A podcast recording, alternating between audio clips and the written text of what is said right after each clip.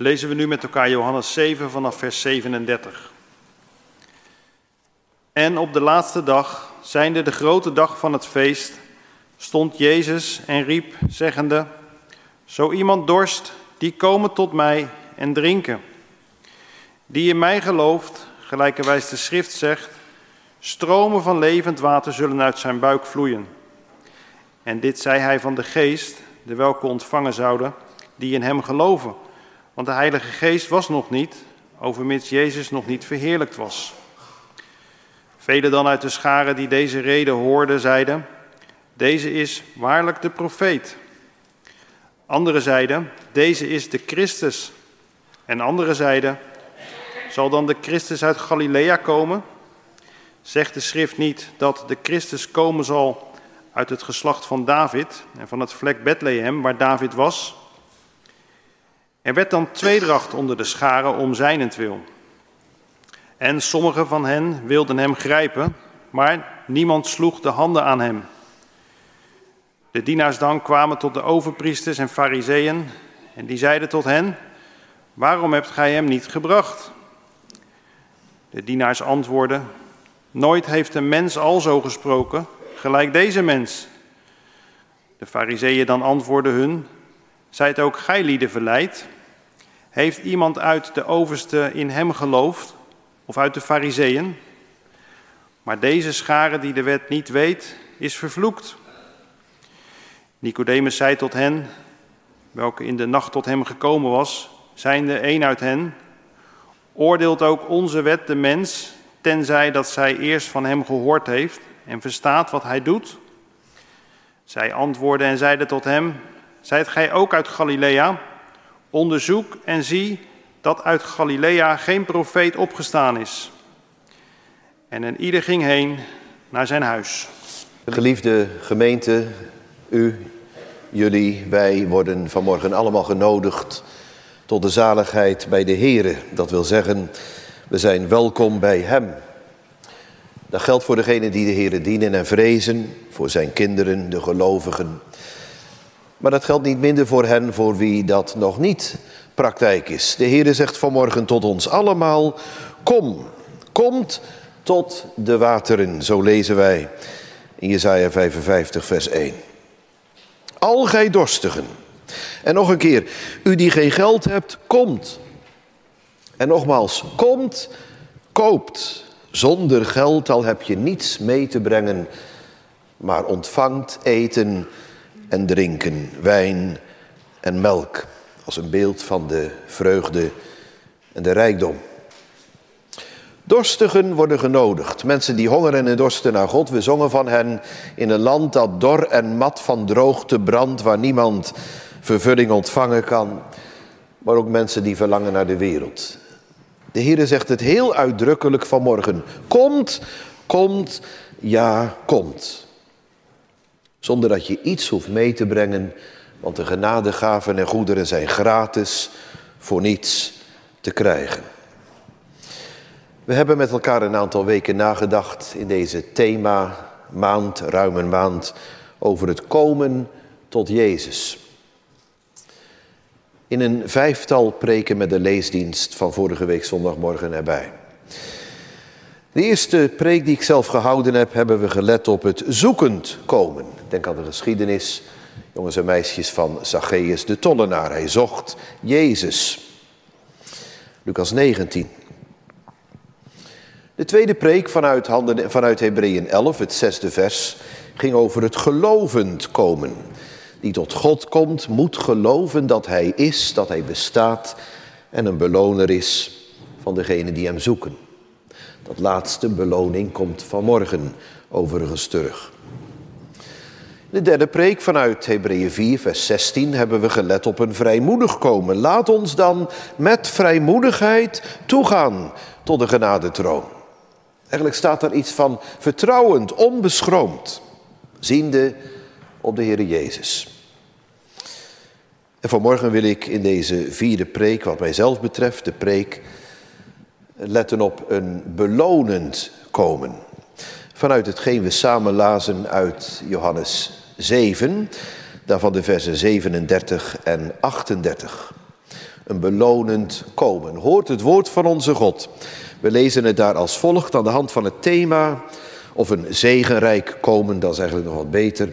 Een zegenrijk komen, dat is het thema en het, de onderverdeling daarvan is als volgt. De nodiging tot dat zegenrijke komen is, en daar letten we op vijf aandachtspunten. In de eerste plaats, deze nodiging is tijdig. En op de laatste dag, de grote dag van het feest, stond Jezus en riep. Tijdig. Twee, deze nodiging is goddelijk. Jezus stond daar en riep, zeggende, hij is aan het woord. Een goddelijke nodiging tot het zegenrijke komen. Drie, deze nodiging is ruim. Zo iemand dorst. Vier, deze nodiging is welmenend of welgemeend. Die komen tot mij en drinken. En vijf, deze nodiging is, is ook belonend. Vers 38, die in mij gelooft, zoals de schrift, het Oude Testament zegt, stromen van het levende water zullen uit zijn buik vloeien. Dus zegenrijk komen. De nodiging daartoe is allereerst tijdig. Vandaar dat we straks ook gaan zingen, zo gij zijn stem dan heden hoort, nu. In het, in het nu van de genadetijd, tijdig. Deze is in de tweede plaats goddelijk. Drie, ruim. Vier, welgemeend. En vijf, belonend.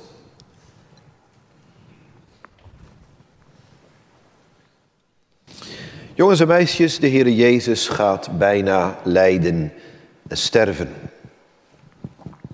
En volgende week zondagmorgen is de eerste lijdenspreek. Zeven zondagen die voorafgaan aan het sterven op de Goede Vrijdag van de Heer Jezus. In het Johannesevangelie, waar we op dit ogenblik zijn aangekomen, hoofdstuk 7, is het bijna zover. Jezus is in zijn derde jaar van zijn wandel op aarde ook wel genoemd het jaar van de tegenstand, het jaar van de oppositie. Na zijn eerste jaar waarin hij opkwam, het jaar van de inauguratie, de inhuldiging. En na het tweede levens, levensjaar waar hij op aarde wandelde en zijn discipelen onderwees, als het jaar van de populariteit. En in één keer kantelt dat. Johannes 6, waar we een aantal keer over hebben nagedacht, vinden wij verschillende aanwijzingen daarvoor. Velen hebben hem verlaten. Een jaar, een laatste jaar van tegenstand tegen Jezus in breekt aan. En dat gemeente is ook te zien in dit hoofdstuk. In vers 1 staat er, en na deze wandelde Jezus in Galilea, want hij wilde in Judea, het belangrijke gedeelte van Israël, niet wandelen, omdat de Joden hem zochten te doden. Ze proberen al een einde aan zijn leven te maken. Het gold zelfs voor Jezus' eigen broeders, zijn broers. Die zeggen vertrek van hier, zo staat er in vers 3, en ga maar naar Judea, opdat uw discipelen uw werken mogen zien die gij doet. Want, vers 5, ook zijn broers geloofden niet in hem. Samenvattend, Jezus zegt het in vers 7. De wereld haat mij, omdat ik van de wereld getuig dat haar werken boos zijn. Dus wat maakte nu dat die mensen van de Heer Jezus weggingen? Vooral zegt Jezus dat hij hen wees op de zonde. Ik kom er met u vanmiddag op terug vanuit Psalm 4, dat ook gewezen moet worden op de zonde en het haten en ontvluchten van de zonde. Juist dat, lieve gemeente, is de achtergrond tot de aandrang om te komen tot Jezus. Verlaat de zonden, leeft, komt tot de wateren. U wordt genodigd niet alleen om te komen tot God en Christus, maar om de zonde vaarwel te zeggen en achter te laten. En als we dat niet willen, dan stoten we ons vaak, vaak aan de prediking van het evangelie. Daarbij was het allemaal in Gods hand. Want leest u in vers 33, de tijd was nabijgekomen dat de Heer Jezus zou gaan lijden. Ik ben nog een kleine tijd bij u. En ik ga heen, ik vaar op tot degene, mijn vader, die mij heeft gezonden. En dan lijkt het wel dat de tweedracht, de verdeeldheid, de tegenstand van twee groepen tegen elkaar in zich toespitst. Voor Jezus of tegen Hem. Nou, zo is het vanmorgen gemeente ook. U bent of voor Hem, u hebt Hem lief, u volgt Hem, u hebt Hem nodig. Of u bent of jij tegen Hem.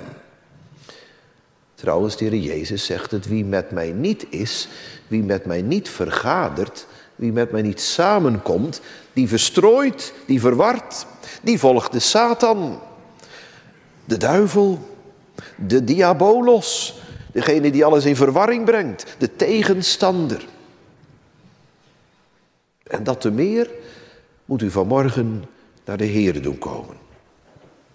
Toch stond Jezus erboven. En dat blijkt wel uit de prediking van het evangelie. Midden in het feest, zo staat er in vers 14, ging hij in de tempel en hij leerde, hij onderwees. De meesten begrepen het niet, maar hij bleef maar preken. Hij hield niet op om het woord van God met bewogenheid te leggen aan hun hart. Juist ook op het loofhuttenfeest. Want daarover gaat het vanmorgen.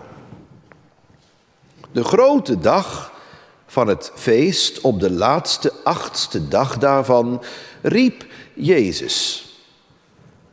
Wat was er voor een feest? Het was het eerste gemeente van de drie grote feesten. Loofhuttenfeest, het eerste in de zin van een heel belangrijk feest, het grote feest. Verder was er het paasfeest en het oogstfeest, ofwel pinksterfeest. Maar het loofhuttenfeest, ook wel genoemd het feest van de inzameling. Dan werden de vruchten ingezameld van het land en van de wijn. Ook van het land, de wijnoogst en het eten. Op de 15e van, tot de 22e van de zevende maand, de maand Etanim, omgerekend ongeveer bij ons de maand oktober, waren daar acht dagen van grote vreugde. De Heer zegt in het boek Deuteronomium, u zult vrolijk zijn op uw feest, u en uw zoon en uw dochter, uw dienstknecht en uw dienstmaagd en de leviet en de vreemdeling, de wees en de weduwe die in uw poorten zijn. Alle mensen werden opgewekt en ook daar kom ik vanmorgen vanuit, vanmiddag vanuit de psalmen op terug, om blij te zijn. Vrolijk. Eén grote lofzang. Tijdens dit hoofdfeest, het grote feest, belangrijkste feest in Israël. Wordt zelfs genoemd in het boek Leviticus het feest van de Here. Het feest van de Here. En daar voltrok zich iets wonderlijks. Want zeven dagen moesten de Israëlieten hun eigen huis verlaten en in tenten wonen, in loofhutten. Hutjes gemaakt van takken. Dat had natuurlijk een bepaalde bedoeling. Het herinnerde aan de uittocht uit de verlossing uit Egypte en meer nog aan de woestijnreis die daarop volgde. Telkens weer moest het volk daaraan terugdenken. Laat ons de wonderen van de Allerhoogste God nooit vergeten. Opdat uw geslachten weten, zegt de Heer, dat ik de kinderen van Israël in hutten, loofhutten heb doen wonen, als ik hen uit Egypteland heb uitgevoerd. En dan komen daar die overbekende woorden uit de wet. Ik ben de Heere, uw God. Wat was dat voor een feest? Nou, het begon met een heilige samenroeping, samenkomst waarin de naam van de Heer werd aangeroepen. En het eindigde daarmee. Het begin en het einde van het feest, van het grote loofhuttenfeest, werden gemarkeerd door het aanroepen van God. En de laatste dag, de achtste dag, was, zoals ook hier staat, de grote dag. Het belangrijkste feest en de laatste dag daarvan de belangrijkste. Deze dag wordt bedoeld in de tekst. Als er al mensen aanwezig waren, en dat waren ze natuurlijk, kwamen ze zeker op die laatste dag. En dan was er een grote samenroeping, een geweldige eredienst tot eer van God. Was er opmerkelijk verschil, jongens en meisjes, met de voorgaande eerste dagen van het feest en de achtste dag? Die zeven eerste dagen werd er geen water, of die zeven eerste dagen werd er water gehaald, elke dag opnieuw, door de priester die met een grote stoet naar de bron Siloam ging. En een gouden kruik in die bron, in die waterbron liet gaan en het water erin liet stromen. En met de volle kruik onder luid trompetgeschal en gezang terugging naar het altaar in de tabernakel of later in de tempel. Het, wijn met, het water met de wijn mengde die daar stond en uitgoot bij het brandofferaltaar. En die belangrijke symboliek, als die kruik vol met water en wijn gemengd werd uitgegoten op het brandofferaltaar, herinnerde aan Gods grote daden en aan de oproep tot vreugde. Terwijl de priester dat deed, werd door het volk en zeker ook door de priester uitgesproken de tekst uit Jesaja 12 vers 3. En gij lieden zult water scheppen met vreugde uit de fonteinen van het heil. Allemaal waren ze verblijd. Ze dachten terug aan de wonderlijke daden van God en aan het water, wat juist in de woestijn van groot belang was. Wat uit de steenrots kwam, wat wees op de wonderen van God die zijn volk onderhield en spaarde. En wat vooral ook heen wees, vooruit wees naar de Heere Jezus, het levende water. Elke dag opnieuw op dag 1, 2, 3 tot en met 7 voltrok zich dat belangrijke ceremonie, ceremonieel. En dan op de achtste dag gebeurde dat niet meer. En juist op die achtste dag, als dat niet meer gebeurt en het volk afscheid neemt om naar huis te gaan, staat Jezus daar. Het gaat, zegt Jezus, niet om het aardse water.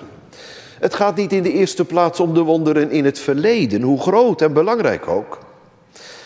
En het is niet het allerbelangrijkste dat ik word aangewezen en verkondigd en verwacht. Maar het gaat om mij. Ik ben het levend water. En gemeente, dan was er nog wat. Er waren 199 dieren geslacht, allerlei soort van dieren, waar de laatste was een bok tot het zondeoffer, tot verzoening van de zonden. En nu zegt de Heer Jezus als het ware dit. Ik ben het allerlaatste dier, het tweehonderdste dier in het licht daarvan, dat geslacht zou moeten worden, het lam van God. Wat heb je dat nodig? Nu, terwijl je de stem van mij hoort. Op de allerlaatste dag van het feest, wanneer je bijna weer naar huis zult gaan. Want, zo las de ouderling en wij met hem, aan het einde van de schriftlezing, en een ieder ging heen naar zijn huis. Het was bijna weer voorbij. De prediking was bijna ten einde. De acht dagen, ook wijzend trouwens op de opstanding van Christus, waren weer voltrokken.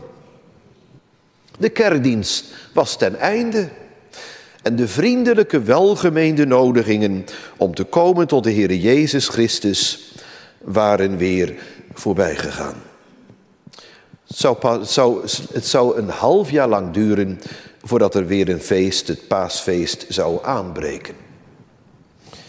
En zo gemeente is deze themaperiode na deze dienst ook weer voorbij. We prachtige dingen kunnen lezen, ook deze week weer, in het themaboekje wat we samen hebben doorgenomen en gehad. U hebt prachtige dingen gehoord in de leesdienst. U hebt gehoord, ook mooie dingen hoop ik, en belangrijke zaken in de diensten die ik met u gehouden heb.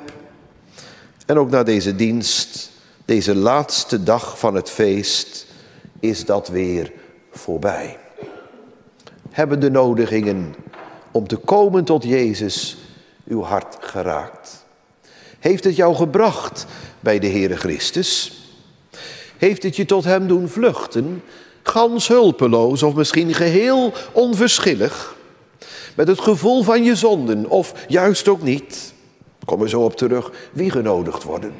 Een goddelijke nodiging. Misschien heb je wel gedacht, jongens en meisjes, waarom is dat zo belangrijk om vier of vijf weken na te denken over komen tot Jezus?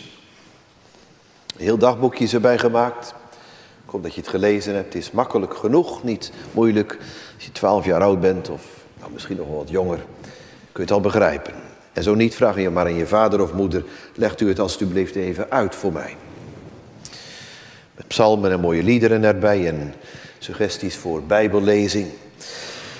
Nou, waarom is dat nu zo belangrijk? Dat is niet omdat de kerkenraad dat heeft voorgesteld en we dat samen hebben uitgedacht en, en ik die preken heb proberen te vullen en een ouderingenpreek erover gelezen heeft. Maar gemeente, dat is belangrijk omdat God tot u spreekt en tot jou. De Heer Jezus spreekt. Ons past eerbied en ontzag.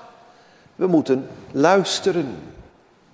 Net als Samuel, die was nog maar zo heel erg jong. En hij zei toen God tot hem sprak, spreek heren, dat moest hij doen van Edi, spreek heren, want uw knecht hoort. Ik luister naar u en ik wil me ook door u laten gezeggen. Want horen betekent luisteren om ook te doen, op te volgen. Je bent er ook goed mee. Als je de stem van de Heere heden hoort, wordt vaak gezongen, misschien vaak wel klakkeloos. Wordt ook vaak gezegd, misschien vaak nog wel vaker kwak, klakkeloos. Zo van ja, hoor de stem van de Heer daar maar. Maar het is diepe inhoud. Hè? Als je de stem van de Heer nu hoort en je zijn heilrijk en troostrijk woord geloven mag, is dat tot je behoud. En ook telkens opnieuw kinderen van God in het geloofsleven. Ik kom daar vanmiddag wat, wat nader met u op terug en met jou. Je bent er goed mee af. Maar alleen al gemeente hebben we te luisteren omdat God tot ons spreekt.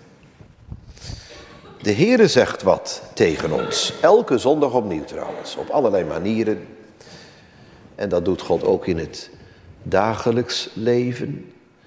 Die verschrikkelijke aardbeving van afgelopen maandagmorgen en daarna.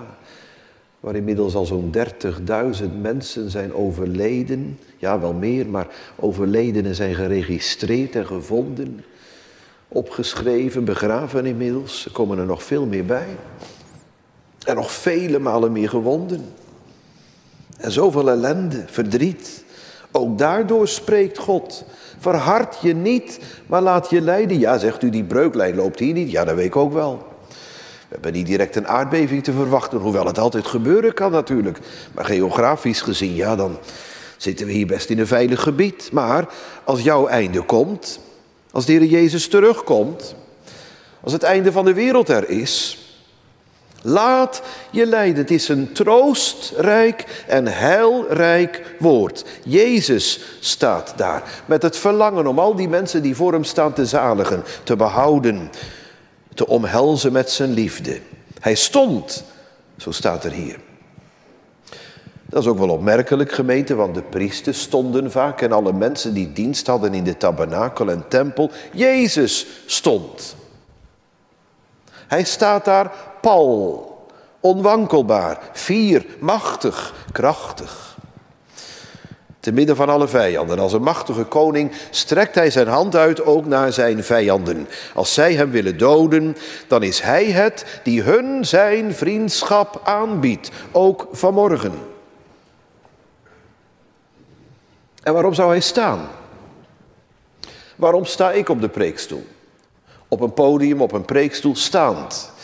Dat is een driedubbele verhoging. Je kunt het nog beter zien. Dat is niet omdat ik belangrijk ben, maar gemeente dat luistert makkelijker en dat praat gemakkelijker. En zo staat de Heer Jezus daar. Hij staat, ook het Griekse woordje staan wil zeggen, hij staat daar in zijn macht, Paul, niet te bewegen als het ware. Jezus wil al hun aandacht naar hem toetrekken.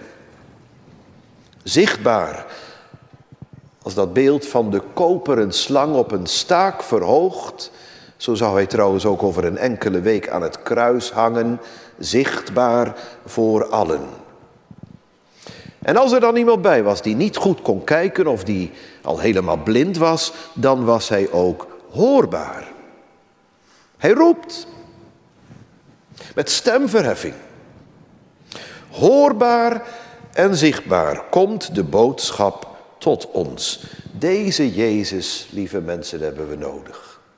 Als je als een arm verloren zondaar in de kerk zegt en zegt, oh God, hoe moet ik verder? Je hebt hem als een rijke zaligmaker nodig.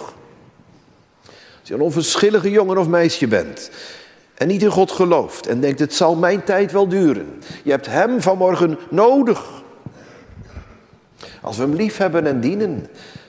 Want gemeente, de themaperiode was niet alleen voor onbekeerde mensen. We hebben Hem nodig. Hij staat zichtbaar, hoorbaar. Hij roept. Roept Hem dan eens aan. Jezus, uw zoon van David, ontferm u over mij. Want gebondenen wil hij vrijheid geven. Gevangenen bevrijden uit de gevangenis. Blinden geeft hij het gezicht. Doven wil hij laten horen. Stenen harten neemt hij weg.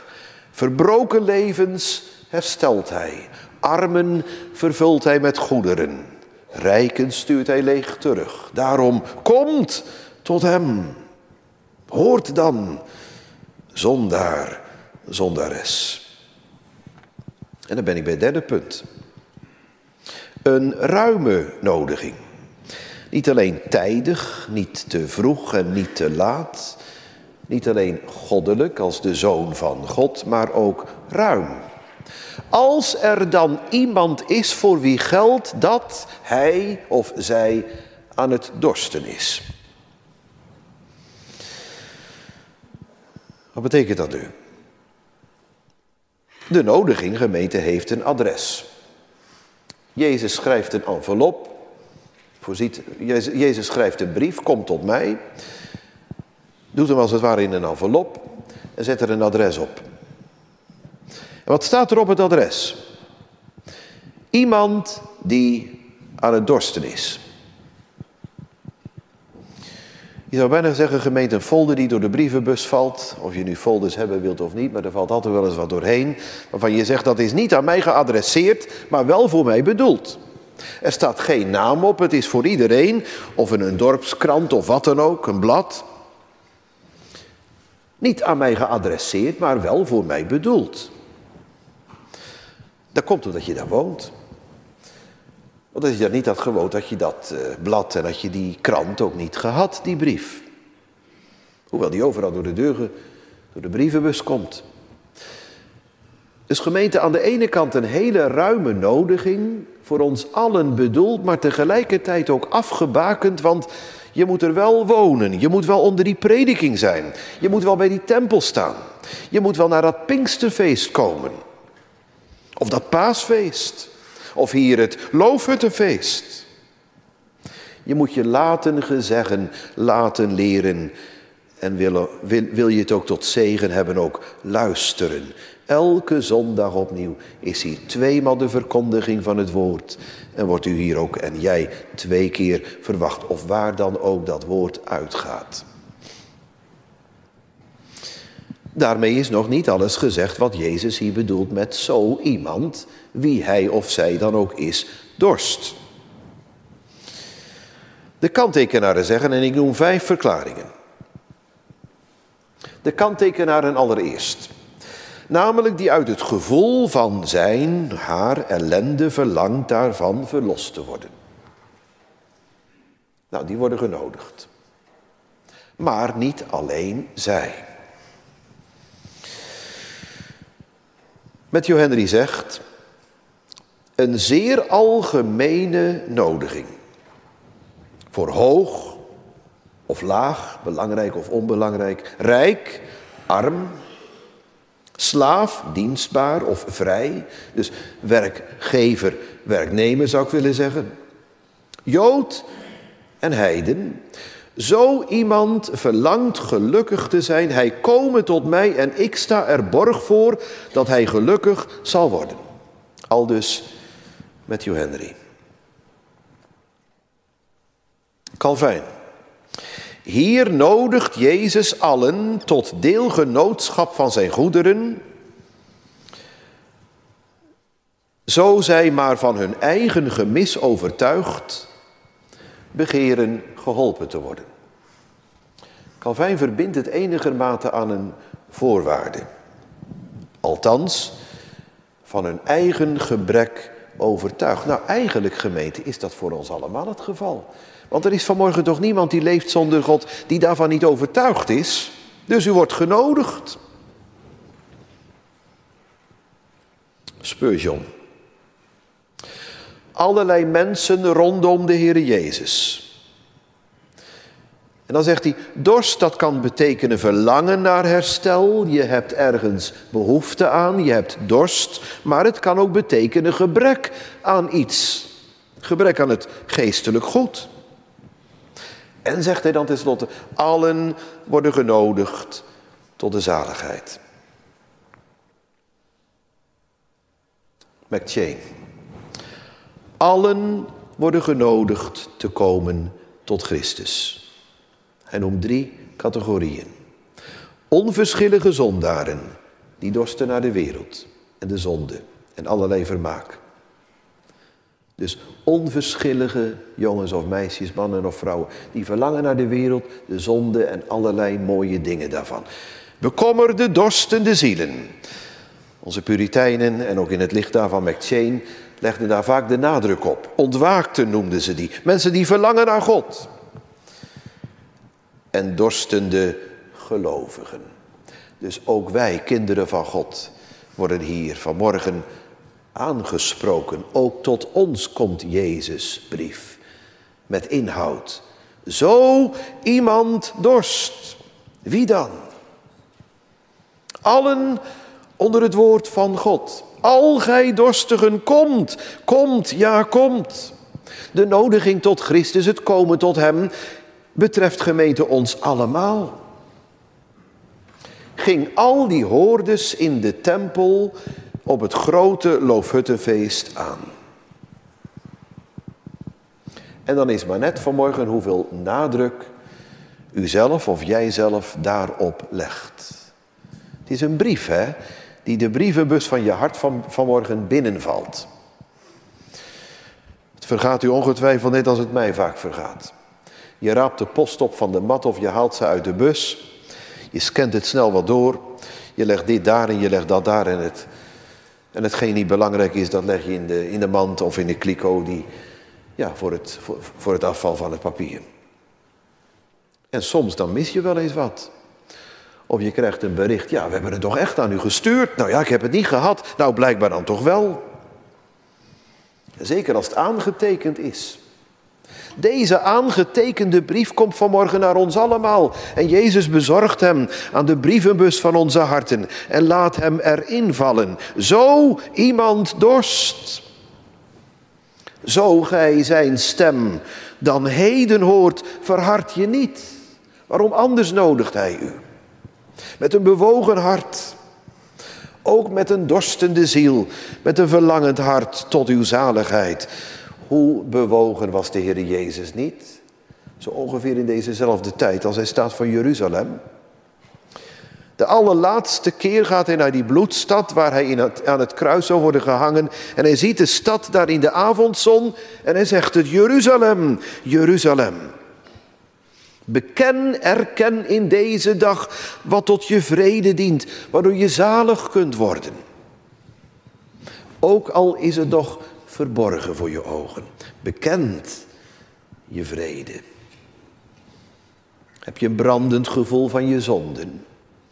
En kun je nergens meer mee terecht. Zo iemand dorst, die komen tot mij en drinken. Wat een welgemeende nodiging. Wat een ruime nodiging. Word je door je conscientie, je geweten aangeklaagd dat het voor jou misschien wel niet meer kan.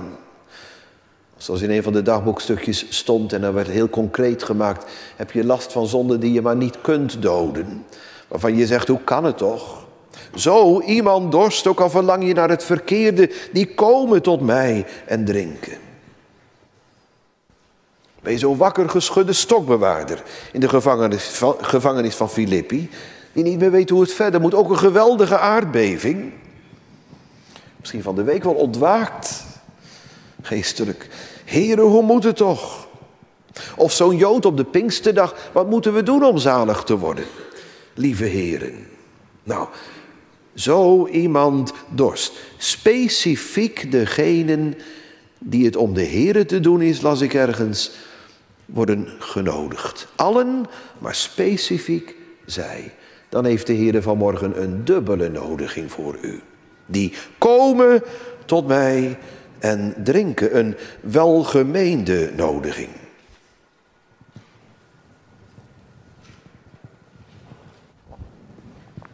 Jezus staat met uitgebreide armen. Zo was het jongens en meisjes ook aan het kruis. Daar hing hij met uitgestrekte arm, noodgedwongen. Want die armen waren aan de handen vastgespijkerd aan het kruis. Dat was de gewoonte van de Romeinen om het lijden te verzwaren. Ik kom er volgende week wel op terug en de weken die erna komen. Maar dat was natuurlijk ook een geweldige prediking, een en al nodiging. Jezus wendt u vanmorgen niet af, hij stoot je niet terug, maar hij wil u ontvangen, die komen tot mij en drinken.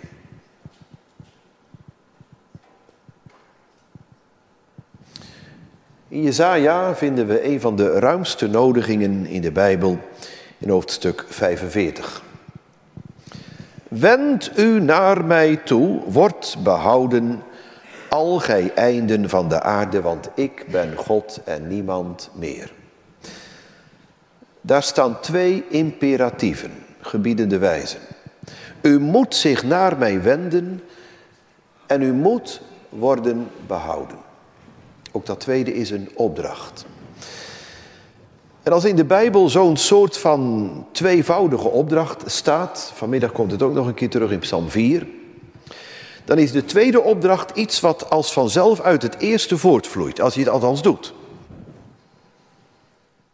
De consequentie daarvan, dat zit ook in, het werkwoord, in de werkwoordsvorm. De imperatief die de consequentie heeft. Dus de Heer zegt, je moet je naar mij wenden en wanneer je dat doet, dan wordt u behouden.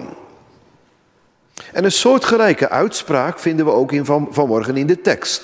Die moet tot mij komen en zal dan ook, en ook daar een opdracht, maar zal dan ook drinken.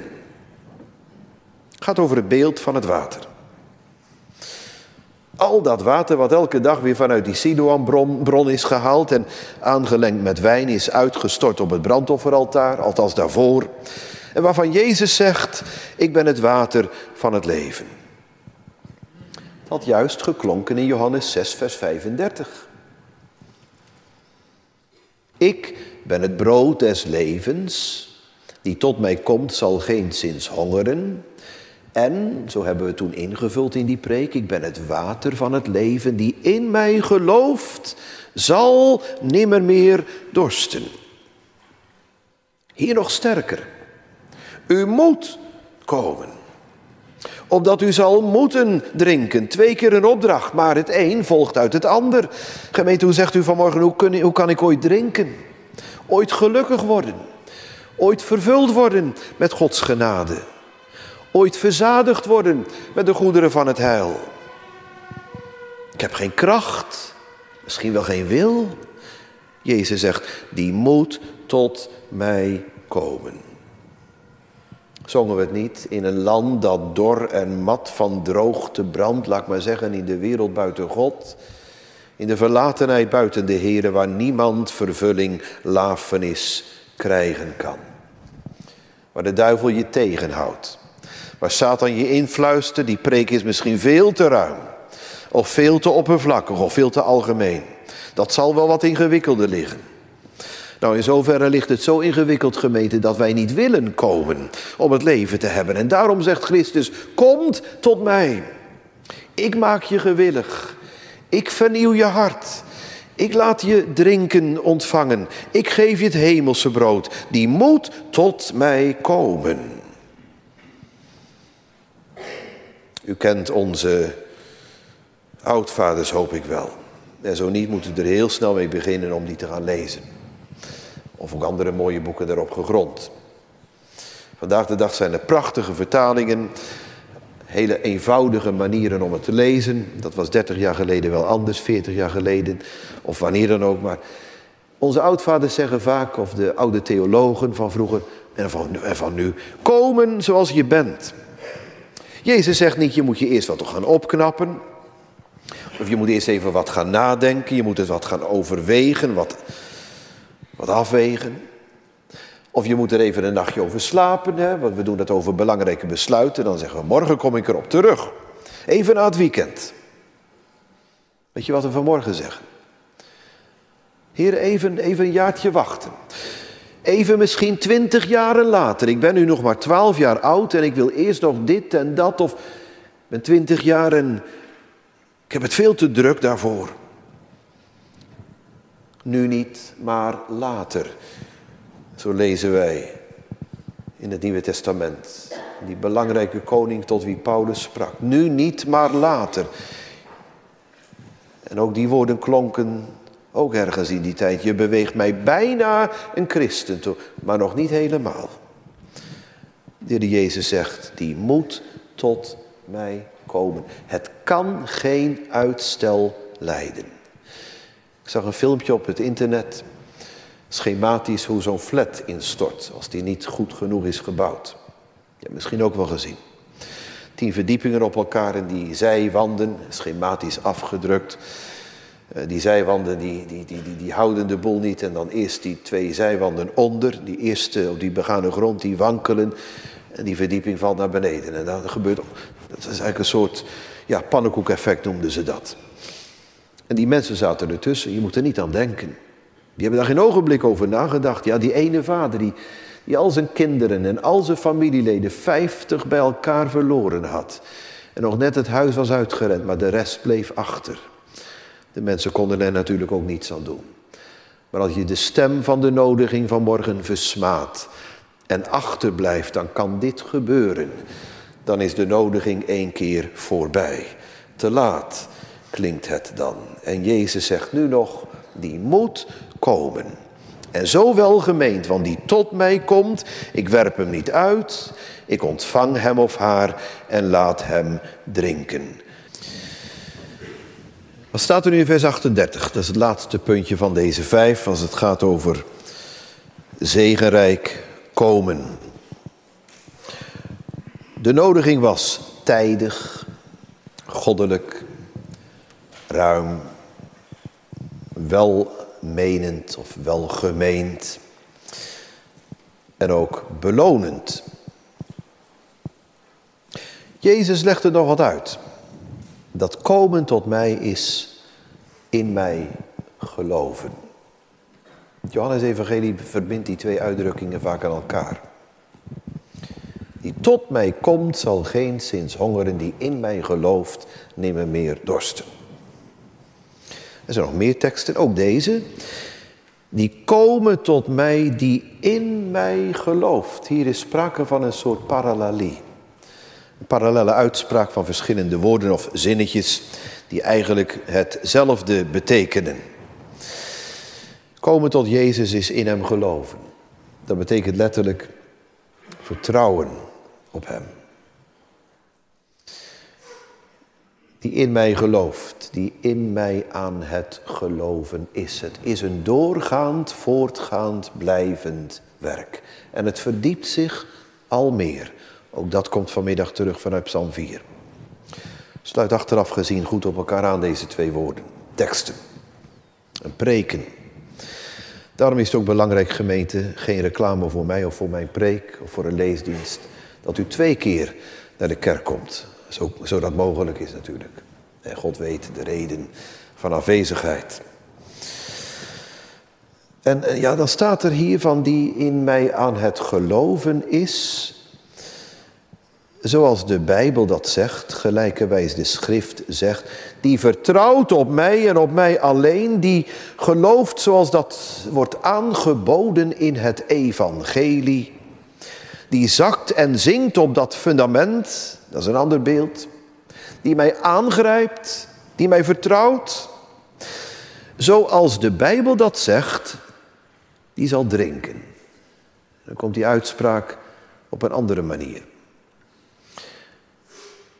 Die tot mij komt of in mij gelooft, krijgt een beloning. Je krijgt er nog wat bij. Niet alleen drinken, genoeg om de dorst te lessen. Maar stromen van het levende water, meervoud, stromen van het levende water, zullen vloeien uit zijn of haar buik. Als er staat zoals de schrift zegt, jongens en meisjes, dan wordt er eenvoudig mee bedoeld zoals er staat in het Oude Testament. Altijd, als je die uitdrukking vooral in de evangeliën terugvindt, soms ook in de brieven, kun je invullen zoals ergens in het Oude Testament staat of op meer plaatsen soms. Hier zijn heel veel teksten te bedenken waar iets staat, maar ik ben van mening dat Jezus direct verwijst, allereerst naar de genoemde tekst uit Jesaja 12, vers 3. Omdat die tekst er het best naast geplaatst kan worden qua inhoud, maar ook eenvoudig, wat ik al zei, omdat op de dag van het Loofhuttenfeest deze tekst voortdurend werd geciteerd. Als die kruik werd leeggegooid. En gij, lieden, u allemaal, zult water scheppen met vreugde, met blijdschap uit de fonteinen van het heil. Stromen van het levende water. En als je de tekst ernaast legt, want Jezus zegt, zo staat het in de Bijbel, mag ik het hier zo zeggen. Wie in hem gelooft, want dat staat in de Bijbel, dat is het woord van God die zal met grote overvloed en vreugde uit de bronnen van het zalig worden, uit, het, uit de bronnen van het heil, water ontvangen.